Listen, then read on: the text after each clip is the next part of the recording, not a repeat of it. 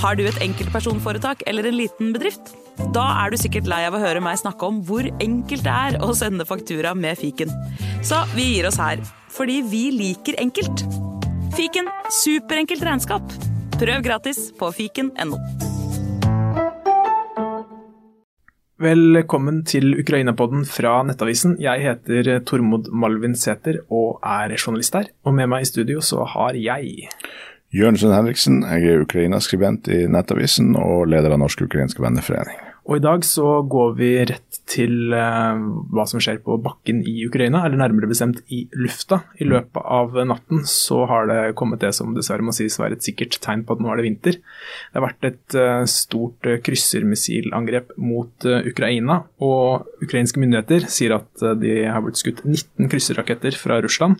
De skal ha skutt ned 14 av de, og ifølge ukrainske myndigheter så har ingen av de fem rakettene som Eh, måte gikk gjennom, da, eh, gjort stor skade på infrastruktur. Men det er fortsatt litt uklart akkurat hva som har skjedd, og om det er noen som er, er drept. Eh, men hva det hva betyr disse angrepene? Hva er det Russland ønsker å oppnå med det her, Jørn? Det er nok flere ting. Altså de, som du sier, Det er starten på vintersesongen. og det er klart at eh, Russerne har et mål om å ødelegge særlig eh, energiinfrastruktur sånn at eh, det blir kaldt eh, og, og krevende for eh, ukrainerne, men også generell ja, la oss kalle det terror. Russerne har jo i sin sånn måte å føre krig på, som Mahmoud snakka om når han var gjest her, at, at, de har en sånn der teori om at hvis man bare påfører befolkninga nok grusomhet, så, så, gir de opp til slutt. Um, og, og, det er sentralt i deres doktrine om hvordan de, de angriper sivilbefolkning. Um, og så ser vi at ja, de, de, har skutt ned ganske mange, men, men, det er en bekymring at luftvernsituasjonen for Ukraina begynner å bli ganske prekær. De får stadig flere vestlige system. De vestlige systemene har veldig høy kvalitet. Det, det er både det norsk-amerikanske NASAM-systemet og Patriot og, og sånn eh, er veldig bra. Men i og med at de har så høy kvalitet, så tar de lang tid å produsere. Så de har altfor få systemer for mye kvalitet går rett og slett utover kvantiteten. Ja, for at det som har vært ryggraden i eh, Ukraina sitt luftvernsystem, er det gamle sovjetiske S-300-systemet, som også russerne bruker mye fortsatt. Og Russland er det eneste som produserer? Ja, og de begynner de å gå tom for. Eh, og det er ikke et, i nærheten av like bra system som NASAMS eller Patriot, men det at de har hatt så mye av det, har gjort at de kan ha brukt mengde til å både beskytte store områder av landet, og også kunne bruke tre eller fire missiler på å ta ned et russisk krisemissil. Men nå begynner allerede mye som tyder på i hvert fall at de er i ferd med å gå tom for S-300-system, så vil ikke de kunne erstatte det med, med vestlige systemer. For det tar rett og slett for lang tid, og kanskje to-tre år så vil de ha mange nok vestlige systemer til å kunne beskytte store nok deler av, av landet. Og der må vi tilbake til en, beklager, en kjepphest jeg har tatt opp før dette kunne vært løst med at Ukraina har fått vestlige jagerfly. For at uh, jagerfly kan brukes også som luftvern. Altså de kan skyte ned innkommende kryssermissil. Hadde de hatt F-16 eller Gripen, så ville de hatt større evne til å beskytte sivilbefolkninga mot sånne angrep. Og de er også veldig mobile. Altså et, et jagerfly kan jo dekke store områder, og da har de måtte tatt færre valg av typen ja, skal vi beskytte bare Kiev eller andre byer i Ukraina, eller hvordan skal vi vekte luftverndeployeringa mellom fronten og sivilbefolkninga og, og, og, sånne type ting. Så, så, det er en av de her Nå når, uh, nå når det butter en del imot og ting ikke går så bra fra Ukraina, så, så må vi i Vesten ta en stor del av ansvaret for det. For at vi har vært Eh, vi har slepa beina etter oss og har ikke gitt de, de systemene de trenger for å verken beskytte sivilbefolkninga eller vinne krigen. Og Det er eh, bekymringsfullt, for allerede i fjor eh, vår, senvinter, eller du vil da si beklager, senvinter og våren 2023, mm. Eh, så begynte vi å få meldinger om at Ukraina kunne veldig snart bli tomme for luftvern. Og så har det vært en relativt rolig sommer når det gjelder både droneangrep og eh, missilangrep mot Ukraina. Mm. Eh, Det kan man si er bra, fordi det betyr at Ukraina ikke har brukt opp all verden av luftvern. Mm. Men det betyr også at Russland har bygd opp lagrene sine med missiler og droner for å kunne bruke det på vinteren. Mm. Og som vi var inne på i stad, det er nesten umulig å få tak i ny S300-systemer, som Ukraina har vært helt avhengig av. Um, det finnes ikke flere på verdensmarkedet å få kjøpt, omtrent. Eh, fordi de som finnes, er, kontrolleres enten av Russland eller av tett allierte til Russland, som ikke vil selge til uh, Kyiv.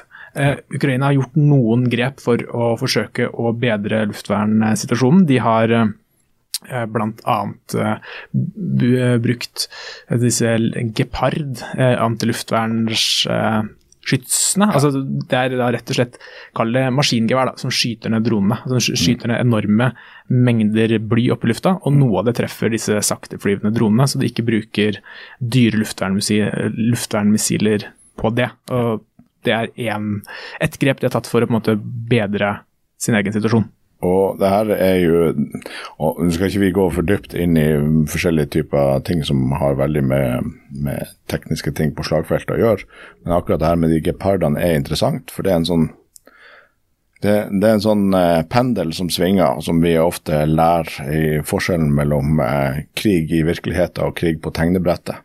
Et eksempel er under Vietnamkrigen så eh, så slet amerikanerne med at uh, når de kom i nærkamp, i luftkamp, så hadde de ikke noe å skyte ned vietnamesiske fly med, for at de hadde begynt å designe fly, det her var F4 Phantom, uten kanon.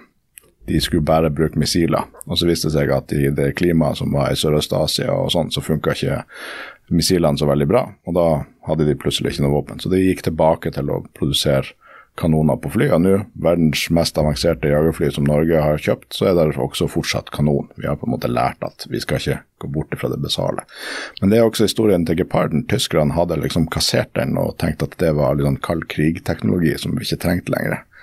Men det har jo vist seg at i og med at, uh, at uh, avanserte missilsystem er veldig dyre og tar lang tid å produsere, så er Geparden ekstremt nyttig. Også fordi at russerne bruker mye lavteknologi når de angriper. Altså de her uh, Shahid-dronene som er designa av uh, Iran, som mange av modellene er liksom flygende gressklippere. Og da blir det absurd å altså De koster nesten ingenting, og de masseproduserer det. Da blir det absurd å skyte ned med en missil som koster like mye som, som 50 droner. Men hvis du har en gepard som står der, som du sier, som spyr ut bly, så, så beskytter det veldig godt. Og så viser det seg at de er jo også veldig gode mot landmål. Så de gepardene har funka veldig bra mot, med fronten også. Så tyskerne har lært det som man gjerne lærer når krigen blir varm og skjer i virkeligheten, at ok, det her var faktisk et veldig bra våpensystem, begynte å masseprodusere ammunisjon igjen og ser på å produsere en videreutvikling av, av geparden. Så, så, noen sånne grep har de tatt. Eh, de har andre systemer og andre måter å, å, å skyte ned Shahid-droner på, sånn at de kan spare de dyre missilene til kryssermissiler og ballistiske missiler som er vanskeligere å, å ta ned. Ja, de bruker bl.a. militærjøser feste på pickuper. Ja. Så hvor liksom én mann kan stå og skyte med hvert fall, Jeg har sett bilder av to militærjøser som man da skyter opp i lufta med. og ja. da er sånn, Sjansen for å treffe med ett skudd er ganske liten, men hvis du fyrer av gårde 1000 skudd på 30 sekunder, så treffer noe. Og noen av de mitraljøsene de bruker, er den uh, Maxim-mitraljøsa uh, som ble verdenskjent under første verdenskrig. For at det er jo en del våpensystemer, selv om de er 100 år gamle. Hvis de brukes rett, så er de fortsatt veldig dødelige. Jepp. Det endrer seg ikke. Nei. Men igjen, det her visste vi ble et problem. Vi lærte det forrige vinter. Vi kunne ha gått ut av den vinteren med, med den her uh, og forutsett at det her kom til å skje og vært raskere og sørga for at, uh, at Ukraina hadde F-16 når vinteren nå tar til. Ja, og det får vi Det får de ikke før i neste år, så forhåpentligvis så får de da neste vinter. Men da får vi se om Håper ikke det kommer for seint. Ja. Uh, og så uh, på slagmarken i Ukraina, hvis vi går fra luften til ned på bakken Vi har jo liksom, siste halvåret så har vi snakka om vi har snakka om tre steder. Det er uh, hovedoffensiven mot Melitopol rundt uh, Zaporizjzja. Og så ja. har du rundt uh, Bakhmut har det vært en del. Mm. og så i siste så har da også Avdivka og Kherson begynte å skje litt. Grann. Ja. Eh, og Sist gang vi snakka sammen, det var tidligere en uke her, så var det et uh, mindre ukrainsk motoffensiv rundt Avdivka. Men har det skjedd noe etter det, Jørn? Nei, Det bølger frem og tilbake. Og, og um, det som har skjedd siden sist, er et større russisk angrep uh, nord for uh, Avdivka igjen, der de prøver denne knipetangsmanøveren. der for første gang på lenge så de, gjennomførte de et større mekanisert angrep, der de hadde både stridsvogner, stormpanservogner og infanteri som fungerte sammen. Det ble en katastrofe. Eh, de, de, ble, eh, de mista flere av stridsvognene til ukrainske droner lenge før de nådde frontlinjen. Eh, og de ble utsatt for så mye artilleri og angrep at, at angrepet ble brutt opp, og de måtte trekke seg tilbake. Straffen til de styrkene som trakk seg tilbake, ble at de ble tvunget til å gjennomføre et rent infanteriangrep senere, der de ble omtrent utsletta. Så um, det som har skjedd i Avdivka siden sist, er egentlig det samme som har vært trenden i det siste. Store russiske angrep med store tap, uten særlige framskritt. Og, ja. Hvis jeg bare bryter inn der, så har vi snakka mye om de store russiske tapene på slagmarken. Mm. Eh, ISW, som vi snakker mye om i denne podkasten her, de skriver nå i dag at uh, Russland taper soldater omtrent like fort som de klarer å rekruttere nye. Uh, mm. Så det er et voldsomt tempo. De, jeg tror SV regna med at det var mellom 20 og 30 000 soldater som uh, Russland taper i måneden. Og så klarer de med nød og neppe å rekruttere like mange, så de klarer å holde det på et status quo. men mm det er jo helt åpenbart noe som ikke er bærekraftig i lengden, selv for Russland med 140 millioner innbyggere. Ja, jeg har tatt feil veldig mange ganger før om hvor mye tap Russland er i stand til å absorbere, så jeg er helt enig med deg. Det, det virker ikke bærekraftig i det hele tatt, men jeg, jeg tør ikke lenger å måtte forutse at at nå bryter sammen. Men spørsmålet er jo om det, om det vil gå å snakke om måneder eller ti år. på en måte. Ja, Fordi de kan holde på sånn her lenge. De kan holde på lenge, og jeg hadde trodd at det her skulle bryte sammen for lenge siden. At det skulle bli enten eh, motstand ved fronten ved at de eh, begynner å gjøre opprør mot sine offiserer, eller at det skjer et eller annet i Moskva eller noe sånt. Men inntil videre så ser det ut som at de, eh, de, de mister tusenvis på tusenvis av, eh, av soldater uten at det får nevneverdige konsekvenser. Ja, og har du noe mer for fronten da? ja, i Kherson så er det fortsatt fremgang. Der er, der er en uh, skog, et, et, større skogområde eh, sør for Dniperelva, der uh, ukrainerne har fremgang. og det, Skog passer veldig bra for den situasjonen de er i der. De har bare lett infanteri. Pga. elva så får de ikke stormpanservogner eller, eller stridsvogner over. Mens i en skog så, så får du ikke nyttiggjort deg av det uansett. Det er lett infanteri mot lett infanteri, og der, der gjør ukrainerne det bra. Så det er fortsatt fremgang på Kherson-fronten, uten at vi kan si at, der, at frontlinjen flytter seg veldig mye. Men i sum, i øst så det, står det i ro. Eh, russerne har store tap. I eh, sør-vest, i Kherson, så har Ukraina moderat fremgang. Ja. Og da skal vi introdusere dagens gjest. Det er uh, mannen som setter skrekken i norske journalister. uh, Bjørn Johan Berger, uh, velkommen til oss. Takk. Skal vi kalle deg samfunnsdebattant? det har jeg gått bort ifra. Jeg tror det er et litt sånn ladet ord, egentlig. Så jeg prøver å si at jeg liksom er en slags mer frilansskribent, men ellers er det litt uklart for meg jeg, hvem jeg egentlig er. Skjønner. Men du i hvert fall du er en ivrig uh, du leser norske medier og arresterer oss journalister når vi skriver ting som enten er usant eller eh, mangler nyanser og kanskje ubevisst løper eh, Kremls ærend. Da. Og da er du mm. raskt utpå og arresterer oss. Du tagger gjerne både journalister og redaktører på både Facebook og Twitter. Og jeg må mm. innrømme at det har jo i hvert fall på meg en eh, stor effekt. Jeg hender jeg leser gjennom saken min en ekstra gang eller to bare for å unngå en Bjørn Johan-smell på Facebook, hvis det Hvis det er noe, men, men det, er, det, er, veldig Det er bra. Det er, det er, ja, da, det er en bra ting. Bra. Du sitter også i Norsk-ukrainsk venneforening. Du er medlem styremedlem der, styremedlem der sammen mm. med, med, Jørn. Så dere mm. kjenner eh, Jørn og Bjørn kjenner hverandre godt fra før. Vi har en uh, felles entusiasme for uh, Ukraina og kongepudler. Nettopp. Og Grunnen til at vi har invitert deg hit i dag, er for å snakke litt om hvordan norsk presse har omtalt krigen i Ukraina siden 2014. Og hvis vi kan gå tilbake på en måte eh, til hva var det som gjorde at du starta å engasjere deg i det her? Nei, altså jeg er veldig forsiktig med å si at jeg kunne så veldig mye om Ukraina fra før av, for den saks skyld også Russland. Men jeg fikk jo med meg i 2006, da var jeg i Murmansk og skjønte at uh, det sto ikke så bra til der som det jeg trodde. Uh, og i 2013, når Maidan-opprøret begynte, så uh, begynte jeg å fatte interesse. og for meg var det traumatisk når Putin gikk inn og annekterte, eller rett sagt han invaderte, foretok et kupp i det lokale parlamentet og så annekterte Krim. Og så startet det jo da etter hvert en krig i Donbass. Og den, eh, da begynte jeg å bli veldig obs. Jeg mente at dette var veldig farlig. Uh, og så begynte jeg å se også at jeg, i forhold til hva jeg kunne se skjedde der, og hva som ble rapportert i mediene og i norske medier, så var det en diskrepans, for å bruke et fint ord. Altså at man uh, ikke helt uh, beskrev hva som skjedde, samtidig som jeg må innrømme at jeg hadde jo en stor usikkerhet selv også i våren 2014, hva det som egentlig skjer? Og fra da og frem til nå så har jeg egentlig ikke sett meg tilbake, for å si det sånn. Jeg har tenkt at dette har vært veldig farlig, og jeg har sett at norske medier også eh, ikke alltid har gjort hjemmeleksen sin. Og jeg tenker at informasjonskrigen til Putin også er undervurdert. Jeg mener Putin har vært undervurdert, og hans russisk propaganda har også vært undervurdert, og at den utgjør en stor trussel for vårt, eller vestlige demokrati. Det kan si egentlig har vært mitt engasjement. Så egentlig har jeg fulgt med på dette på heltid eh, som aktivist i nå snart ti år. For det er jo, må nesten være en fulltidsjobb?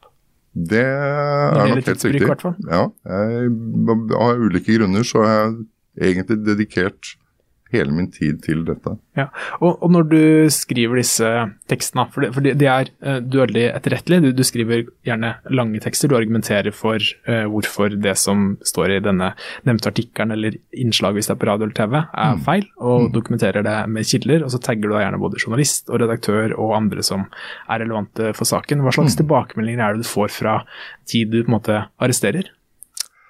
Ja, det har vært i Tymse Stort sett ikke-eksisterende. At jeg ikke får noen tilbakemelding. Eh, jeg har jo fått en god del artikler hvor det er blitt foretatt rettelser. Eh, men en god del blir det jo heller ikke foretatt rettelser i, så jeg har vel egentlig undret meg på om de egentlig leser det jeg skriver. Eh, men jeg har jo skjønt etter hvert at det er jo noen som gjør det. Men jeg tenker nok dette at norske medier, kanskje generelt, at man burde være litt mindre uredd for å kunne eh, fortelle at nå har vi eh, faktisk feilinformert. Og hva er det typiske altså, eh, Du har holdt på med det her i ti år nå, da. Mm. Og hva er på en måte de typiske misoppfatninger som spres, eller er det, noen, er det noen typiske Ser vi noen mønster på hva slags feller norsk presse går i når det omtaler Russlands krig mot Ukraina? Ja, det er jo egentlig et større kapittel. Jeg kunne sikkert sitte her i flere timer og snakke om det. men jeg tror, eh, eller Én type ting som kanskje er nettopp dette manglende kontekst. altså At man ofte refererer fra både hva russiske myndigheter og hva russiske medier forteller, uten å på en måte sette det i en kritisk kontekst. Det mener jeg virkelig er en gjenganger. Uh, annen ting ofte jeg har sett, særlig i årene etter 2014, var at man ikke på en måte fokusert på hva ukrainske myndigheter sa. En veldig merkelig skjevfordeling, egentlig. Akkurat som russiske myndigheter skulle være til å stole på. Vi vet jo de lyver hele tiden. Ja, Så man eh. viderebrakte da eh, nyheter fra russiske myndigheter, og så tok man ikke engang med hva Ukraina mente hadde skjedd? Det er en typisk uh, situasjon, og det, jeg fikk jo, eller jeg, i hvert fall la grunnlaget for at NRK ble dømt i PFU eh, våren uh, 2022 Uh, og der var det jo nettopp det at de ikke altså Det var det de på en måte bedømte for, at de ikke hadde uh, undersøkt saken med ukrainske myndigheter og gitt dem tilsvarsrett. Mm. Så, men dette har vært et mønster som egentlig på en måte har gått igjen veldig mye. Men har det blitt noe bedre? Ja, det vil jeg si. Altså For det ene så tenker jeg det er viktig også at jeg understreker at jeg mener at uh, vi skal ha tiltro til våre medier, og at det er veldig viktig. og at det har vært levert veldig mye god journalistikk særlig etter 2022. Så det er viktig å få sagt. Jeg vil si i perioden 2014 til 2022 så var det nok mer ymse. Um, det ble gjort med venstrehånda, og mange ikke egentlig tror jeg egentlig hadde nok særlig kunnskaper om det jeg skrev om. Tror jeg det også var en veldig uheldig at vi fikk Trump, så fokuset var veldig vestvendt, kan man si, mot USA. Uh, mens det som foregikk nede i, i uh, Donbass, var nesten helt glemt. Og man bare omtalte liksom nærmest denne uh, situasjonen som, hvor liksom det ble sjablongmessig brukt begrep liksom anneksjonen av Krim akkurat som det var Krim det dreide seg om. Og Dette har jo vært en stor misforståelse også i norske medier, at sanksjonene liksom var et resultat av Krim. De kraftigste sanksjonene ble introdusert på sensommeren 2014 og var et direkte svar på Russlands såkalt destabilisering av Øst-Ukraina. Eh, og dette har man på en måte det er gang på gang underkommunisert. Så, men eh, det pipler hele tiden inn eh, med mindre og større feil.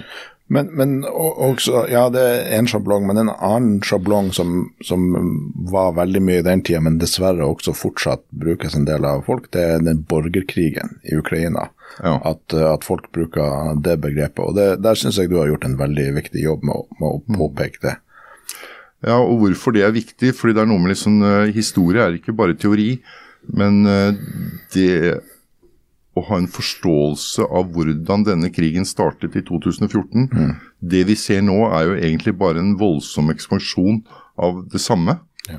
Eh, og hvis man ikke forstår hvordan Putin startet dette, så kan det også være vanskelig å skulle se for seg både hva, hva er det hans mål er, eh, hvordan skal denne krigen kunne få en avslutning, osv. Unnskyld. Så, og jeg la merke til f.eks. nå i vinter, er veldig egentlig da, da hadde man eh, Eh, det var Den europeiske menneskerettsdomstolen kom med en uh, storkammeret der, altså en uh, høyesterett på en måte i den domstolen. Hadde en retts, eller en, kom til en slutning hvor de for å si det litt kort da, at de, de, konstaterte at det var Russland som startet krigen i 2014. Mm. og dette ble jo ikke referert til av norske medier, på tross at norske medier da liksom i 2000 og, eller i nesten ti år da hadde rapportert om såkalte russiskstøttede separatister. Mm. Jeg tror for veldig mange mennesker var det veldig uklart hva var denne støtten. Og samtidig også, flere medier brukte også begrepet da borgerkrig. Mm. Så man har tåkelagt liksom at dette egentlig har vært Putins krig. Ja. For det som skjedde var jo at russisk etterretning gikk inn målretta og agiterte og, og, og starta opp og drepte politiske motstandere og sånn. Kan du si no, ta en kort recap om hvordan russerne starta denne krigen? Ja, Jon Færseth hadde nylig en bok. Han ja. uh, gikk helt tilbake til 2004. Ja. Så, men, men, hvis vi går til uh, våren 2014, uh, eller allerede rett etter Maidan-opprøret, kan man si, eller februar-mars, så begynte de å sende inn diverse sjarlataner og kriminelle osv., mm. altså russisk etterretning. Uh, ifølge den domsslutningen da fra storkammeret i Den europeiske menneskedomstolen, så var det også da militære til stede, russisk militære til stede fra april 2014. Mm. Og Det er jo betegnende også at de to lederne i folkerepublikken uh, Donetsk, som det heter, var russiske statsborgere sendt fra Russland i ens ærend våren 2014. Igor Girkin og Aleksandr eh, Brodaj.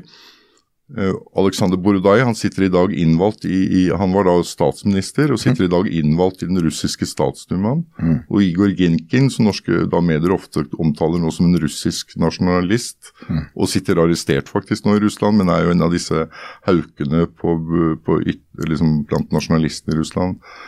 Uh, bare for å klare kjapt oppi, da. så Girkin, eller Strelkov som han også er, er kjent som, ja. sitter arrestert fordi han har kritisert den russiske hæren. Eh, for mye, ja. For mye. Mm. Uh, og særlig Putin. Ja, og så kan man tenke at det er så bra at det finnes opposisjon i Russland som mener mm. at de burde trekke seg ut av Ukraina og få slutt på denne krigen, men det er det helt motsatte ja.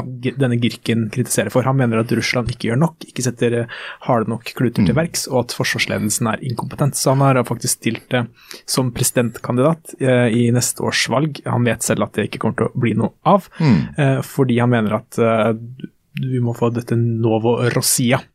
Eh, som på en måte skal få, få, make Russia great again, da, for å mm. bruke en Trump-sammenligning. Eh, så bare mm.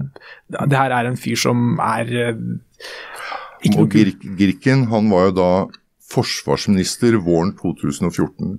Så altså de to Ja, øverste lederne i Folkerepublikken i øh, Donetsk. Ja. Så statsministeren var russisk. Forsvarsministeren eller den militære lederen var russisk. Girking fikk senere på året fikk han et uh, dobbelt eh, pass. Han hadde en annen falsk identitet, utstedt av russisk etterretning. Da. Så, så dette var en sånn skyggegreie de holdt på med i, i eh, Donbass, og etter hvert så um, så Storkammeret mener jo da at, eh, at fra de ble opprettet 11. mai 2014, så hadde Russland jurisdiksjon over disse folkerepublikkene. Det sier jo det meste. Og man vet også at eh, fra primo juni 2014 så begynte det russiske, eh, russiske militæret å dra inn på stikkangrep i Donbass. Og så begynte de også etter hvert med et eh, større langvarig eh, artilleriangrep fra midten av juni 2014. Og så veltet det inn eh, en haug med rundt kanskje, eh, eller flere tusen russiske regulære soldater fra midten av august 2014.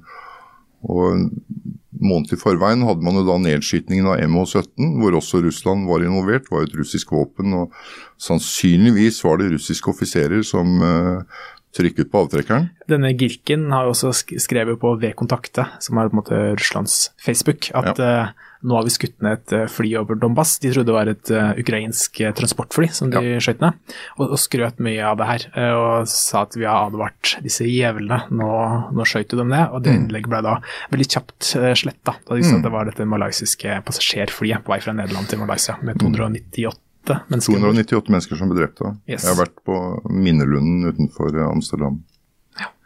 Eh, Så det, det, det du sier da, er jo at Russland har jo kontrollert denne krigen siden 2014, og de som starta den, og det er de som har ansvaret, og det er de som har drifta den, og de som har finansiert den. Ja, På alle mulige måter. Og Kreml hadde også et såkalt uh, skyggekabinett, uh, hvor de styrte disse folkerepublikkene. Så de hadde full kontroll.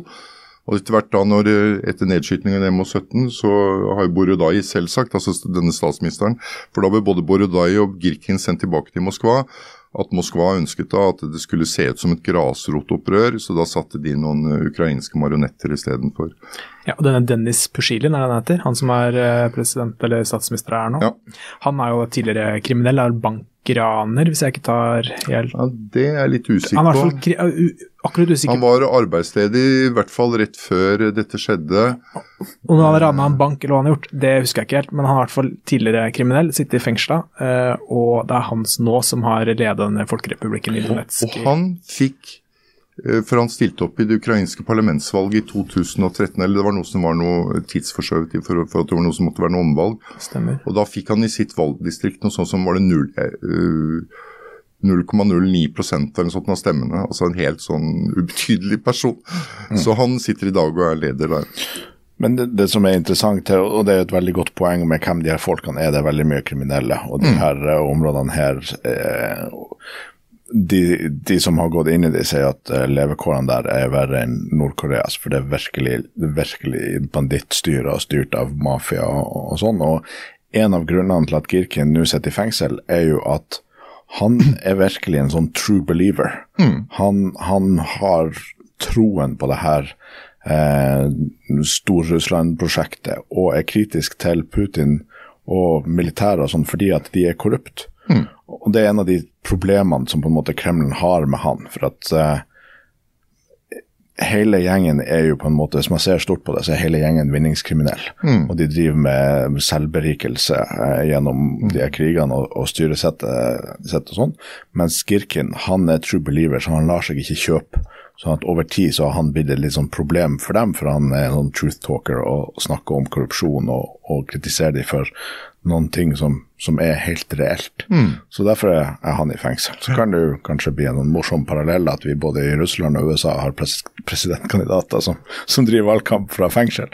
Men, men eh, bare et eh, tips. Eh, som, som du sa, Bjørn, eh, Jon Færseth har skrevet en veldig bra bok om det her.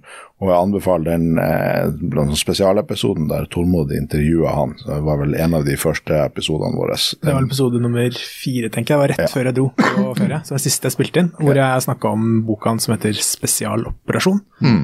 Russland og Ukraina ja, Det er en veldig, veldig god bok. Mm. Jeg har lest den. Jeg Var på bokbad med Færseth i går, faktisk, her i Oslo. Eh, Veldig, veldig bra. Så anbefaler absolutt folk å lese den boka. Veldig godt, eh, la oss kalle det et oppslagsverk, da. Som hvor han på en måte går gjennom kronologisk hva som har skjedd i Ukraina siden oransjerevolusjonen i 2004, og trekker paralleller til det som skjer der i dag. Ja. Og du var jo med å bidra på den boka der, Bjørn, var det ikke? Du er i hvert Eh, Jon, Jon var veldig snill mot meg skrev om meg i forordet, men jeg vil si den jeg gjorde bitte litt research på. Han, han var sjenerøs og satte meg opp der, men eh, ja, jeg tror ikke vi skal dvele så mye med det. Nei. Men fall eh, Men det- det vi kan si litt, bare si helt kort om Girken nå, for det synes jeg også er litt viktig. For den så ble han jo da dømt og fikk livstidsdom for, eh, for å være medvirkning i forbindelse med nedslutningen av menneskerettighets... MH17. Ja, I en nederlandsk menneskerettighetsdom. Nei, det var en egen, det var en annen domstol. Det var en dom som kom i fjor, i november i fjor. ja, bare for å se, eh, Poenget er at det var ikke en russisk domstol. Nei, eller russisk Det var en det var en, nederlandsk rett Ja. som dømte han in absentia. Ja. Men, men han, det er også viktig å understreke at han er da egentlig ettersøkt for, for krigsforbrytelser. Og min opptegning i forhold til hva eh, var allerede i juni 2014, så hadde han sannsynligvis fått henrettet rundt 25 mennesker utenomrettslig. Mm. Så er han er en ordentlig kriminell, det skal man klare. Og, ja, og lang fortid i den russiske etterretningstjenesten. Har tidligere offiser der og kjempa i Tsjetsjenia-krigen. Så at han eh, var sendt av russiske myndigheter til først eh, Krimhalvøya, og så til Donbass, er det jo det finnes, det er jo ikke noe tvil om det. Altså det Dette er dokumentert både i denne dommen fra uh, storkammeret i Den europeiske menneskerettsdomstolen og ikke minst også i MH17-dommen i Nederland, så står dette beskrevet. Det er eh, hvordan de hadde telefonsamtaler med Kreml eh, og mottok ordre. Mm. Udai sa det rett ut i en telefonsamtale at eh, han to tok ordre fra bare én person, eller hva det var, og så det er fra den russiske, altså den russiske stat. Og jeg synes det, det er et viktig poeng det her du nevner med de minst 25 som, som han har henrettet. For at det skapes liksom et sånt bilde av at, eller man kan se i samfunnsdebatten, og spesielt i sosiale medier, at folk sier at ja, ja, men i Øst-Ukraina så er de jo russere, og, ja. og, og sånn. Men, men hvor kynisk de gikk inn der, og at det var i 2014 så var det jo tydelige stemmer, eh, sivilsamfunn, eh, politikere, eh, fremstående folk som var veldig eh, ja, La oss kalle det pro-ukrainsk. altså de, de var veldig lojale mot det ukrainske og følte seg ukrainske og ville, ville stått opp for, for Ukraina i, i de her eh, ja, etterretningsoperasjonene som russerne gjorde, men de ble altså drept. De, de fjerna nøkkelpersoner som, som ville ha vært gode talspersoner for, for Ukraina i, i en sånn konflikt.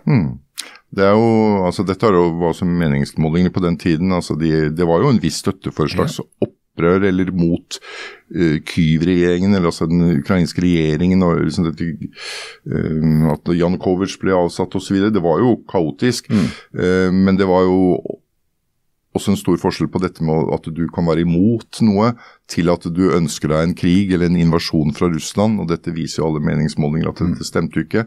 Men det som er litt viktig å si, er også at, og det gjelder både dette med russisk propaganda, men også hvordan de da starter denne krigen i, i Donbass, kan på en måte ha en fellesnevner. At Russland er jo som best når de har på en måte noe eksisterende å ta utgangspunkt i. Og da var det en eksisterende uro. Men de klarte da å, å bøye det over til at det ble da en, en krig. Og det er litt det samme med propaganda også, at uh, du kan ha eksisterende på en måte narrativer eller en slags oppfatning som ligger der, og det er den kan jo da, ser det også i USA uh, på mange andre måter òg, du har noen eksisterende konflikter, og så prøver de da å fyre opp under det. Og det er da de er som uh, kanskje som mest effektive, da. Og det ser vi jo at russiske, de, de russiske informasjonskampanjene eller destabiliseringsoperasjonene mot Norge, som der de er aktive i sosiale medier, så skaper de jo ikke konfliktlinjer. De tar eksisterende konfliktlinjer og er en katalysator og skrur opp temperaturen og bruker russiske nettroll i kommentarfeltene for å liksom, øke konflikten. Det har vi sett at de har gjort eh, med rådyrsaken, eh, med, med ulv. Eh, De gjorde det i forbindelse med metoo, de gjorde det i forbindelse med bompengesaken og, og sånn. Altså, det er ikke de som har skapt saken, det er en reell konfliktlinje, men de bidrar til å skru opp temperaturen for å øke konfliktnivået i samfunnet. Ja, Min, min, erfaring med dette i forhold til altså Jeg er litt usikker på hvor mye egentlig russiske aktører har vært inne og, og i norske liksom på en måte skal si, ordskiftet på sosiale medier. Men det som er utvilsomt, er at de ønsker å dyrke enhver form for konflikt. Altså, for det er jo en del av dette. Man ønsker at det skal bli kaos. Vi skal miste tilliten til hverandre, mm. og vi skal miste tillitene til våre demokratiske institusjoner, medier og politisk ledelse. Vi får, eh, Før jul så får vi eh, Jette Christensen på besøk i, i podkasten, der hun eh, vil gå, gå, inn i det her. Hun holder mange foredrag og har, har jobba mye med akkurat det her temaet. Ja, tillit er veldig viktig å ha. Og eh, det er få i Norge som kjenner eh, det prorussiske pro miljøet bedre enn deg, er min påstand, Bjørn. Eh, fordi du er jo en svært ivrig eh, debattant på sosiale medier, og veldig mm. dyktig på å eh, spre eh, veldokumentert informasjon. Eh, men du har også da blitt anklaga for å være en, eh, omtrent en agent fra myndighetene.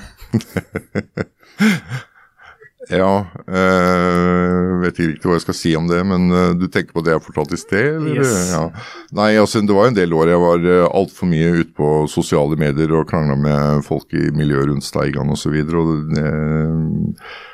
Han blokkerte meg etter hvert, men, men, der var det jo en del av dette hoffet rundt han som hadde oppdaget at det var en Bjørn Berger som jobbet ved ambassaden i Moskva.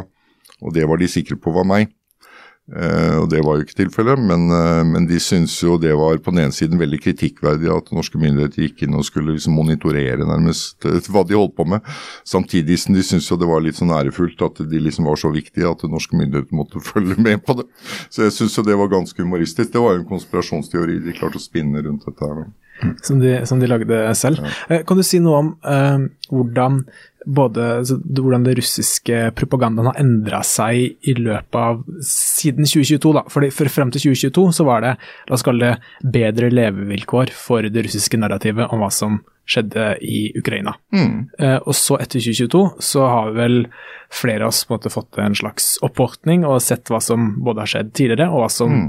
skjer nå. Så det, det, det, er, vanskeligere å være russisk eh, spinndoktor i dag enn tidligere. Mm. Eh, men ser du noen forskjell på hvordan de opererer, eller hva slags historier de forsøker å spre, eller? Nei, det kan jeg ikke egentlig si. De øh, tror jeg ikke skal mene så veldig mye om, men jeg er helt enig i at etter 24.2 i fjor, så plutselig øh, opplevde de en voldsom motbakke. Men jeg tror nok for mange mennesker i Norge så var også dette et sjokk, fordi det var jo egentlig bare var for eksempel, Jeg la merke til at det var en del oppgående mennesker som var rystet over Lavrov, liksom løy og kalte det for en spesialoperasjon. Hun benektet at det var en krig. Altså, Lavrov har jo løyet på, om ikke på inn- og utpust, hatt noen grove løgner siden 2014, men folk har ikke fått det med seg. Um, men jeg tror liksom metodene de bruker, stort sett er de samme. Selvfølgelig nå det er blitt mer automatisert med botter osv. de kan bruke osv. Det tar ikke jeg eh, så mye innsikt i, vil jeg si, men, men jeg tror det er mye liksom samme type teknikker de egentlig bruker. Uh, bare andre typer temaer osv. Nå senest nå har man sett, jeg har skrevet noe om det også, dette med Eh, og dette er det noe de har typisk bearbeidet da i, i halvannet år. Dette med at uh, vestlige våpen i Ukraina skal havne hos uh, Hamas eller Hizbollah osv. Uh, det har ligget der og ulmet, på en måte. Dette er noe de har pleiet. Og når da krigen kom der nede i 7. oktober nå i, mellom Israel og Hamas, så, så så du hvordan da russiske aktører straks Eh, bruker da Ukraina-krigen til, eh, til å, å, fremme et narrativ eh, som tjener Russlands interesser. Og det ser vi jo i andre konflikter òg, at de er på med en gang. Når det var kupp i Niger, som sannsynligvis er instigert av, av russerne, så var akkurat de samme bottene eller trollene som, som eh, hele tida er prorussiske Ukraina, var ute og ja, endelig skal Niger komme seg ut ifra åke til franskmenn og, og sånn, når de bruker litt om kolonihistorien. Og Vi ser akkurat det samme nå når det gjelder konflikten mellom eh, Venezuela og Guyana at uh, der er også de samme, samme, trollene ute og sier at ja, men det er ikke et ekte land, de er en, fortsatt en britisk koloni, og sånn, og Venezuela skal frigjøre denne kolonien. Så de, de, de de er en sånn all purpose-type eh, propagandamaskin. På den annen side vil jeg si en ting også, at man må liksom se hva er russisk propaganda, på en måte. og Den foregår på mange måter. og eh, det jeg kanskje la merke til i fjor, når dette begynte, at liksom, da begynte endelig folk å våkne opp, eh, som du var litt inn på. Og, liksom man, eh, og det ble et veldig sterkt fokus da på liksom de ekstreme tingene som blir sagt på russisk TV, disse konstruerte debattprogrammene. Og Det er kanskje litt det samme som kanskje ikke helt det samme som med Steigan, men liksom da at det var mange mennesker da som var godt fornøyd. Nå, nå skjønner jeg hva russisk propaganda er. liksom man tenker da det er lett å identifisere. Ja, her er det jo russisk propaganda. ikke sant? Altså Mer eller mindre sånn ko-ko-greier. ikke sant? Eh, men man må klare at russisk propaganda er mye. Eh, det finnes et eh, stort økosystem av forskjellige aktører og metoder og teknikker de bruker. Og det finnes da denne hva jeg skal kalle mer absurde propagandaen som man da ser på russisk TV. Som på en måte kan fungere, hvis man ikke kan dette, fungere som en slags form for avledning fordi man tror at det er det det er. Mens det finnes også en intelligent og mer farligere og snikende form for uh, russisk påvirkning som, som, man ikke så lett identifiserer, og som er den type påvirkning også som lettere da dukker opp også i norske medier. Og, og, Du er litt inne på det her, uh, uh, men vi har fått et lyttespørsmål til deg, ja. Bjørn, som uh, du er litt forberedt på. Det er mm. fra Elin Litovsjenko. Tusen takk, Elin. hun har et spørsmål til deg. Hun lurer på om du kan fortelle oss, eller gi råd om hvordan folk kan bli mer motstandsdyktige mot desinformasjon, og hvordan journalister, som f.eks. Uh, meg, kan jobbe for å unngå misinformasjon når det gjelder Ukraina. Altså, så lurer hun på hva slags kilder kan man bruke, hvordan kan man sjekke fakta debunke? Hvordan, eh, hvis vi skal prøve å oppsummere til en setning, da, hvordan avslører man en russisk løgn? Ja, det er jo noe som heter Google, det er jo et veldig godt verktøy. Jeg vil jo si igjen understreke at jeg mener at det er viktig å stole på norske medier, men man skal ikke være helt blinde for det. Eller tro at liksom alt er greit. Men Eh, i hvert fall være skeptisk til ting som bare blir postet rundt og påstått på sosiale medier. Da skal man alltid være skeptisk. Og da må man bruke Google eller sjekke på en eller annen måte hvis det er noe man tviler på. Eh, ofte bør man tvile. Eh, så det vil jeg si at det, det, det, det, er å sjekke rett og slett på, på Google. Bruke gode kilder. Ofte kan Wikipedia, det er ikke alltid man skal stole på Wikipedia, men hvis man leser en Wikipedia-artikkel kritisk, og, og, ser på de kildene de bruker der igjen, mm. og sjekker med de, så kan man ofte få et, for et godt utgangspunkt. da. Ellers så er det mange kjente internasjonale medier også, f.eks. BBC. og uh, Man har jo faktisk.no f.eks. Uh, det er jo mange, mange man, uh, man, kan bruke, men vær kritisk det og undersøk selv, det vil jeg si på, på, Wikipedia, på engelsk Wikipedia så får du omtrent ikke skrevet noe uten å ha en kilde nå. Så, og, og, så sjekk de kilden, Men et, et, bra tips der er at alle Wikipedia-sider har en diskusjonsside. Ja. Og Der kan du trykke og så kan du se diskusjonen mellom forskjellige folk og administratorer på Wikipedia. For at hvis det er noe som er kontroversielt, så har det gjerne vært en diskusjon på hva som skal stå på sida og hva som skal fjernes og sånn. Og Der kan man også se som regel en veldig god diskusjon Eh, på hva som er reelt og hva som ikke er reelt. Og Det er ikke sånn at du nødvendigvis får svaret, men det er jo en, kan gå en god del på vei med å vite hva som er kontroversielt, eller der de lærde strides. for å si det sånn. Men igjen vil understreke også at de ledende vestlige medier og ledende norske medier, inklusive Nettavisen, eh, skal man eh, Normalt er det godt arbeid som ligger bak, og man skal normalt kunne stole på det. Eh, og Særlig hvis det er litt mer dypere artikler, kan man si, så vil det ofte være Da er det forhåpentligvis stort sett riktig, da. Men som jeg har erfart, ikke alltid. Mm. Og noen folk blir jo fryktelig eh, opphissa og forbanna når man eh, måtte prøve å arrestere russisk eh, propaganda. Har du mm. merka noe si, personlig til det her, Bjørn? Får du noe personlige henvendelser? Du, altså, har, du, har, du noe, har, du, fått noen ubehageligheter da, for den jobben du har lagt ned? Utover på en måte diskusjon i kommentarfeltet, men Fikk en gang en dødstrussel, men det har jeg aldri heftet meg med. Jeg tok det som fullstendig useriøst, og det var det sannsynligvis også. Så jeg vil si jeg har fått veldig lite, egentlig. Eh, men det var senest nå her i går, var det vel, var det en eh, person med en eh, tung akademisk bakgrunn som prøvde å vri og vende på hva jeg hadde sagt. Jeg vet ikke riktig hva han ville frem til, men eh, nei, jeg syns egentlig jeg har fått uh, lite egentlig pe pepper, på en måte. Jeg syns egentlig det. Uh, jeg la merke til også, jeg hadde en kronikk nå nylig i VG. Uh, Der du går i rette med utenriksminister Barth Eide Blant annet. og flere, med Pluss flere. også andre medier.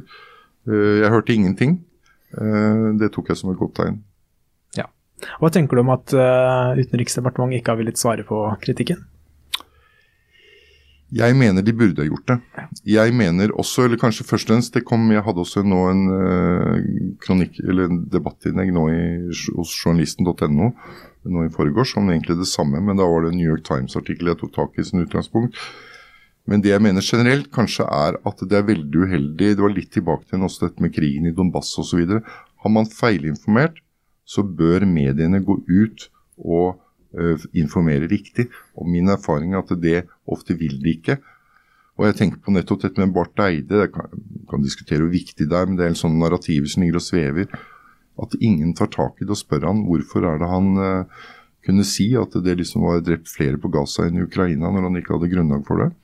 Uh, og de andre mediene også. Så jeg tenker liksom mediene kanskje også burde være litt mer offensive på en del sånne sentrale punkter, egentlig. Eh, det tenker jeg jo. Så ikke disse blir stående igjen og hengende igjen som sannheter, eller på en måte slags falske sannheter. da. Og uh, Du var uh, litt inne på tidligere i hvordan du måte, begynte å engasjere deg for Ukraina, men har du noen tilknytning til Ukraina fra før? Altså, det, er, uh, det er mange som har en, kanskje har en kone som har, eh, er, ukrainsk, eller kjenner noen fra Ukraina, eller noe sånt, men hva, hva var det som har, har du noe sånn tilknytning, eller er det her bare altruisk eh, innsats? Altså jeg, er vel jeg er ikke inkarnasjonen, kanskje, men jeg tuller og flåser av og til med at jeg er en sint hvit mann på litt over 60. Så jeg har vel egentlig bare sittet bak min PC og holdt på med dette. Eh, men som et demokratiprosjekt, egentlig, vil jeg si. Men, men jeg har aldri vært i Ukraina.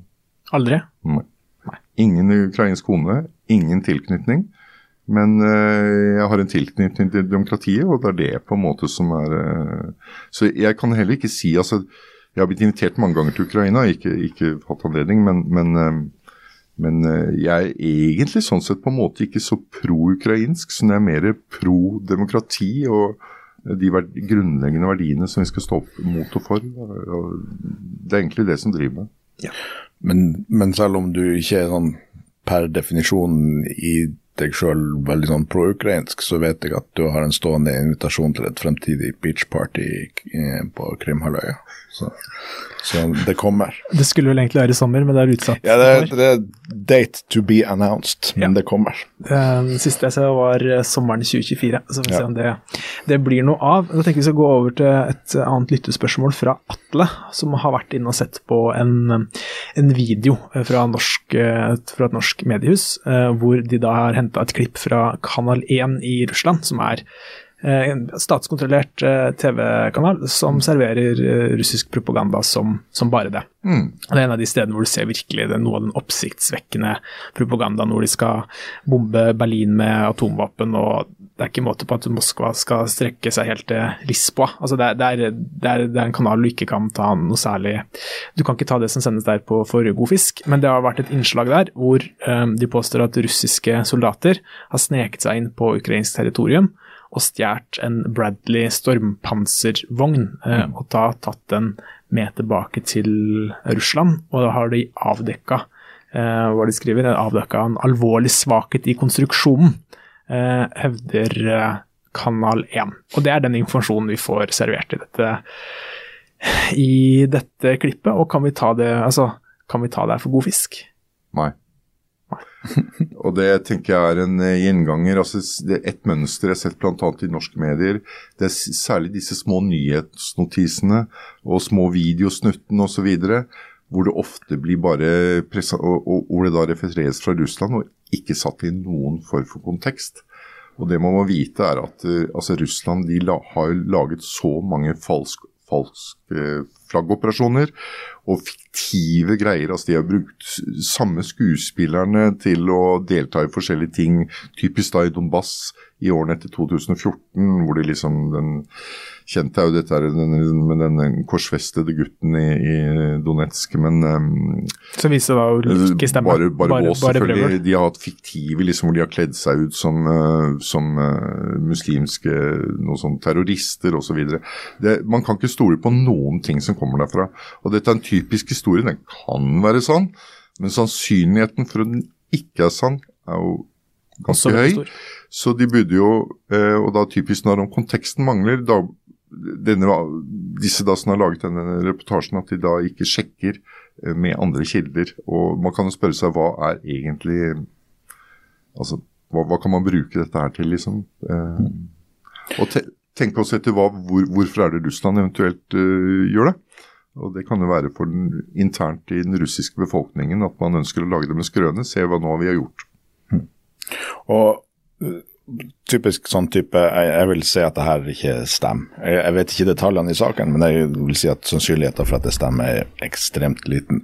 Og alle de her løgnene har forskjellige eh, bakgrunner og, og, sånn, og fakta som man kan gripe tak i, men hvis man bare ser på overflata den her eh, Det er veldig usannsynlig at de kan snike seg inn på ukrainsk territorium alle, alle alle frontavsnitt og alle grenser er godt bevokta. Du hører vel også hvis du starter opp en Bradley, jeg har aldri hørt den motoren selv, men hvis du starter opp en sånn inne, så er det vel noen som har hørt det. Og det de utstyret er godt bevokta, og en Bradley, at de skulle ha fått tak i en Bradley og funnet sånn, å, her er en svakhet, den kan vi utnytte.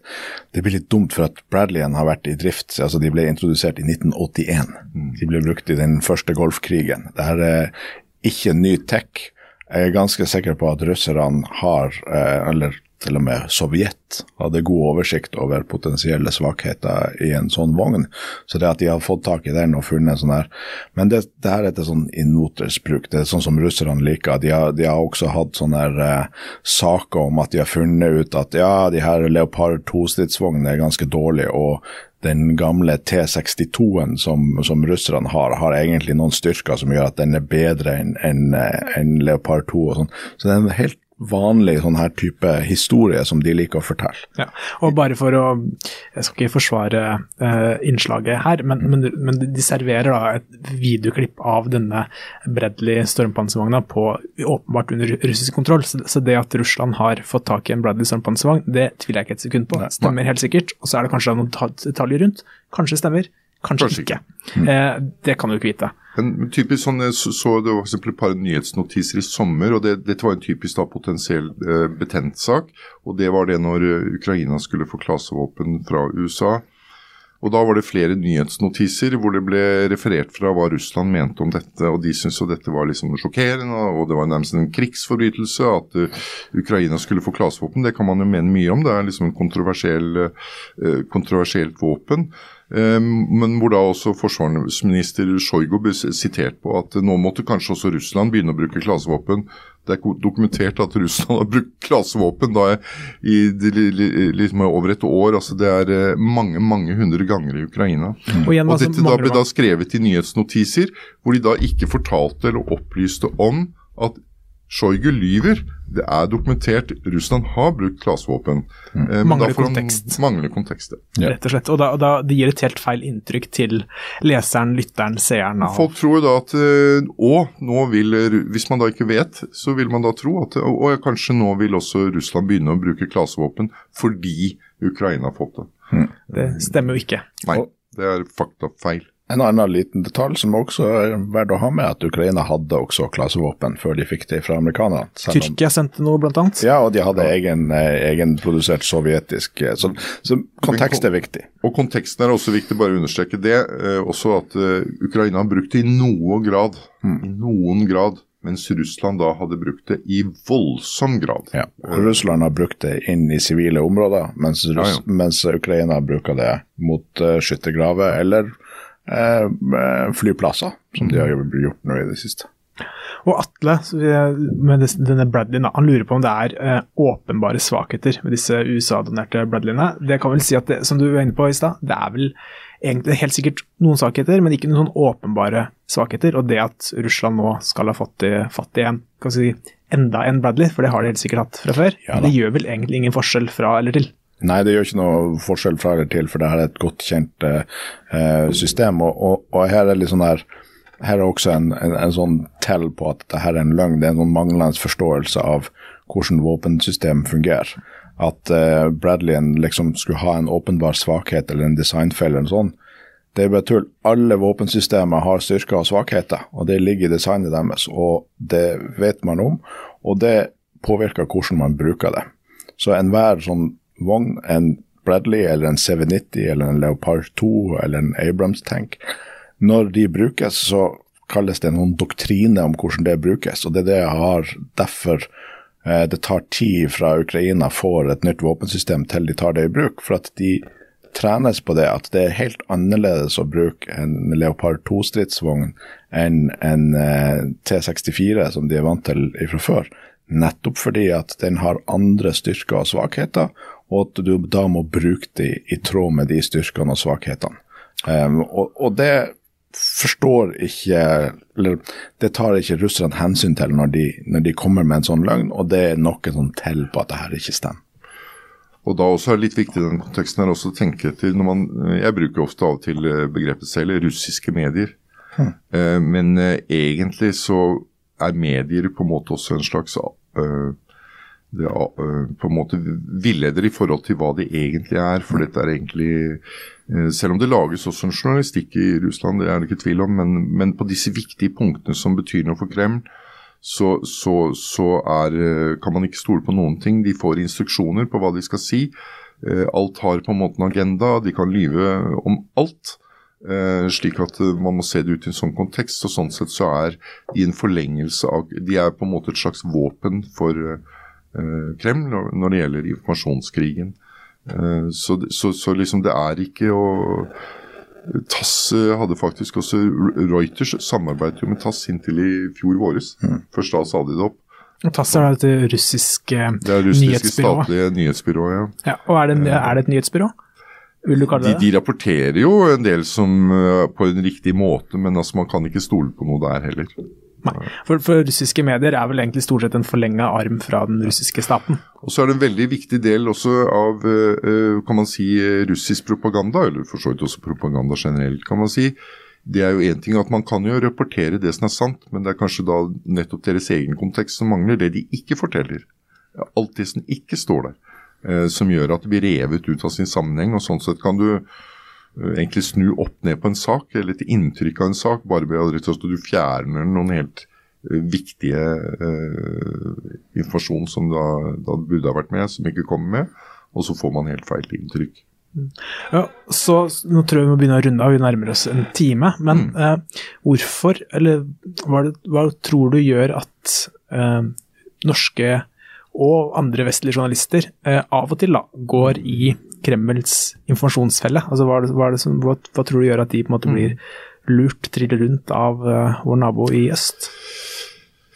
Nei, Det er lurt mye på, for det er en del av disse sakene som jeg har tatt opp uh, som jeg liksom ikke kan forstå at man kan uh, ha gjort en slags type feil. Men jeg tenker at det, at sikkert er i Norge også generelt at man kanskje har journalister de jobber med mange forskjellige typer saker. Og en del av disse sakene, For å forstå dette så krever det at man har litt forhåndskunnskaper. Man har dårlig tid. Eh, det skal leveres sikkert altså Jeg kjenner ikke journalistene hver dag, men at man eh, eh, slurver kanskje litt. Man, man satser på at dette skal gå, og at man ikke da har dette kritiske filteret med seg, på en måte. Jeg tenker at Mye av dette er ikke vært, det er ikke liksom vært ønsket at man har gjort disse feilene, men, men kildekritikk, det tenker jeg er Eh, det, det, kan man bli bedre til. Og dette med også begrepet da eller den, dette, Hva er kvalitet? Hva er bra nok? Og er det viktig nok? Og jeg tror at man må forstå Jeg tenker også det jeg vil gjerne få lov til å si at jeg tenker at den måten man har kanskje håndtert litt sånn alle disse feilene man har gjort i forbindelse med russisk propaganda som jeg mener har sett, eh, man kan bruke dette også til å heve journalistikken på generell basis tror jeg. Og jeg tror dette kan bli veldig viktig, for dessverre så tror jeg i fremtiden pga. sosiale medier, kunstig intelligens osv. at vi kan risikere eh, at eh, vi vil få et større trykk rundt f.eks. polarisering. Og det er viktig å si også i Norge generelt nordmenn har jo høy utdannelse. Vi har høy, høy tillit til våre myndigheter osv. Eh, og det er en kjempeverdi som vi må forsvare rundt. Og jeg har sagt flere ganger i noen foredrag også at uh, journalister bør anse seg selv til å på en måte ligge i førstelinjeforsvaret uh, for vårt demokrati. Og at de må tenke at det er et forsvar de driver på. Det er, jeg vil si, journalistenes jobb er enda viktigere enn kanskje mange journalister tenker selv. Vi, kan vi ringe deg da, hvis vi lurer på noe? Hvis vi er usikre? Jeg syns det er bare hyggelig å bli ringt til. Ja, bra. Eh, du Jørn, du hadde et innspill? Ja, bare sånn, Jeg vet vi skal gå inn til landet, så skal jeg ikke starte en helt ny, eh, stor greie. Men, men vår forrige gjest, han eh, Kurt Eriksen, som, som eh, jobber frivillig som medic ved fronten i Ukraina, mm. han er jo fra Finnmark, så han snakka litt ja. om Finnmark og, og, og denne linken som særlig Nord-Norge har til Russland. Ja. Eh, og vi skal ha flere gjester fra Finnmark, eh, sikkert på, på, på nyåret. men kan du si to ord om hvordan russerne bruker ja, nostalgi og historiefortelling og en slags en, eh, ja, historieforfalskning, vil jeg si da. Eh, kanskje å ta det langt, men, eh, men hvordan de bruker historien, og særlig andre verdenskrigshistorien, for å påvirke naboland?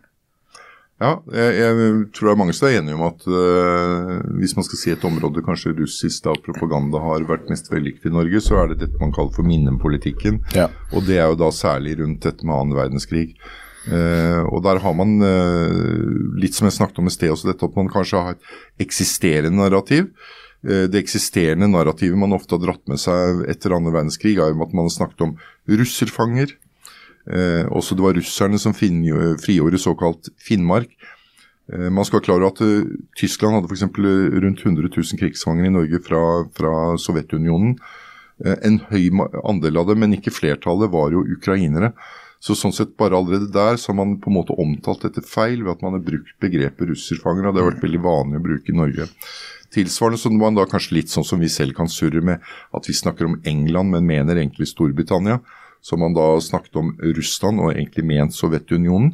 Men dette har da fått lov til å festet seg såpass eh, kan si, sterkt at man, man, man, har liksom hatt en forestilling om at det var Russland som frigjorde Finnmark. Eller egentlig i realiteten var det jo bare Øst-Finnmark, og særlig egentlig Sør-Varanger. Eh, dette var jo 1944, eh, hvor de jaget ut tyskerne. Uh, og uh, det man skal klare også der altså I 1944 var i generelt 34% av den, uh, soldatene i Den røde hær var, var, ukrainere. Første soldaten som gikk inn sannsynligvis i Kirkenes, var en ukrainer. Så mange ukrainere har jo vært med på denne frigjøringen og ofret sine liv oppe i Finnmark. Flere av dem fikk jo, jo, fikk jo militære æresbevisninger osv. etterpå. Og dette er jo et stort paradoks, hvordan Russland har prøvd å bruke da dette narrativet om at det var liksom Russland på en måte som frigjorde Finnmark. Og så har man også hatt ukritiske aktører i Norge som ikke har på en måte plassert dette riktig og si ja, men det var jo også ukrainere som var med på dette. Og det så man jo tidlig opp mot 2019, eh, for da var det vel 75-årsmarkering markering av frigjøringen av Finnmark. Og mange snakket da om Putin skulle få lov til å komme. Eh, og saken er jo hvorfor var det ingen som spurte om hvorfor skal ikke f.eks. den ukrainske presidenten også komme? Eh, og man liksom så ikke da på en måte den sammenhengen mellom dette narrativet om Eller denne krigen som da Russland allerede drev på i Ukraina, eh, og eh, og, og det, dette med at man absolutt skulle ha Putin til å komme. Det er en grunn til at den norske regjeringen ikke ønsket han skulle komme. Eh, Lavrov ble jo invitert. Og stort sett når det gjelder alle disse minnemarkeringene som har vært i Finnmark, da det har vært veldig uheldig, i Kirkenes det har foregått, da, har jo vært stort sett man bare har invitert representanter fra Russland, og ikke fra de andre landene. Så man har også lokalt på en måte kanskje hatt, eh, vært med til å forsterke dette narrativet. Mye man kan si om det er veldig veldig interessant. Vi har en uh, forsker som heter Kari Aga Myklebost, som holdt til i Tromsø, og noen andre Så hun har jobbet med disse tingene her, og det er egentlig veldig viktig. Eh, så hun vil jeg gjerne gi en kred til. Absolutt. Og håper de, hvis de er på Oslo-tur, kan også komme i podkasten. For det er et veldig interessant arbeid de gjør der. Og, men det er et poeng som du sier, altså. de ikke-russiske nasjonalitetene i Sovjetunionen hadde alle høyere dødelighet enn deres prosent av befolkninga i Sovjetunionen Ja. i eh, andre verdenskrig, fordi at russerne var veldig flinke til å, å bruke gjerne eh, bataljoner med mye ukrainere eller estere eller, eh, eller andre eh, til å gå fremst og ha størst tapstall, for at eh, det, Sovjetunionen hadde en stor russifiseringsprosess eh, gjennom hele sin eksistens. Og for, Hvis jeg skal prøve liksom å avrunde dette litt, så, vi prøver, ellers så kan jeg godt gjerne snakke om dette i fem timer. Eh, Men det har jo vært en typisk narrativ som blåsen har vært feil. at man har for eksempel, eh, og Dette kan man finne mange eksempler på i norske medier. eh, At Russland altså Russland mistet rundt 25 millioner under annen verdenskrig. Eh, halvparten av de som ble drept, var jo ikke fra Russland. De var jo bl.a. fra Ukraina, Ja. Belarus osv. Og det som er litt interessant, eh, er det da også hvordan man ser hvordan Putin bruker disse tingene, disse eh, eh, narrativene. For liksom når man snakker om dette med den, altså man skal denazifisere Ukraina, ikke sant. Det er kampen om eh, nazismen på en måte om igjen. da, Og Putin har jo prøvd da å trekke en en tråd internt i Russland for den russiske befolkningen. Man bruker den såkalte fredelandskrigen, altså andre verdenskrig, eh, til å på en måte gjøre det til at de skal få den forestillingen at det er samme type prosjekt de holder på med nå i Ukraina, og frigjøre Ukraina fra nazister. Så, så dette har aktualitet. altså Den historien som vi ikke har et så bevisst forhold til, for vi tenker det bare er historie. Men typisk sånne autoritære regimer som og Putin dyrker dette her, og med stor suksess internt i Russland. Men det er, dette er å bruke historien inn Han snakker ikke så mye om fremtiden, på en måte sånn sett, men bruke historien til eh, inn i en, eh, en måte å manipulere mennesker. Og det er jo det er ikke som du sier, det er ikke bare russerne som som gjør det. altså Det var et veldig viktig valg i Polen nylig, der eh, et, eh, et styr, en regjering som gikk i mer autoritær retning og har begynt på også det her på å lage en ny versjon av historien som skulle inn i skoleverket og sånn, ble heldigvis ikke gjenvalgt. Og, og nå har vi en mer eh, forhåpentligvis mer liberal eh, regjering på vei inn. Så, så det er noe vi må vokte oss for i alle mulige retninger, men, men, men måten russerne bruker andre verdenskrig på, og særlig retta mot Norge eh, og den nostalgien, og som du sier, russerfangene og alt det her, det er noe vi må bli mye mer bevisst på i Norge. Jeg har i, i, liksom, i pipelinen skal skrive to kronikker om disse temaene. Men hvis vi er på vei til å avslutte, så er det en historie fra slagfeltet jeg har lyst til å fortelle til slutt. For den, ja, den er kanskje litt morbid, jeg syns den var litt morsom. Eh, men eh, når vi snakker om den eh, falske historien om å stjele en Bradley, så, så skjer det jo at russerne får tak i ukrainske vogner av forskjellige typer. Og nylig så var det en russisk general de hadde fått tak i Jeg er usikker på om det var en Bradley eller en CV90 eller hva det var, men det var i hvert fall en vestlig produsert vogn som de fikk tak i. Og det syns jeg han var litt eh, morsomt, så han skulle ut og prøvekjøre den. Og så er det sånn at eh, russerne eh, de er ikke veldig disiplinert på en del ting. Så um, um, de hadde fått tak i den, og han skulle ut og kjøre, men siden de ikke har helt oversikt over egne minefelt, og at de ofte bytter ut enheter, og at de nye enhetene som kommer inn, ikke har fått et kart fra forrige enhet som var der om hvor de har lagt min, så kjørte han på en egen russisk mine og ble drept. Så russerne mista nylig en general fordi at han kjørte en fanga uh, ukrainsk vogn inn i sitt eget minefelt. Det skal jeg si, det er fort gjort. Ja, det er fort gjort. Uh, ja. Og da tror jeg vi skal runde av sånn, sånn på ordentlig, på forsøk nummer to.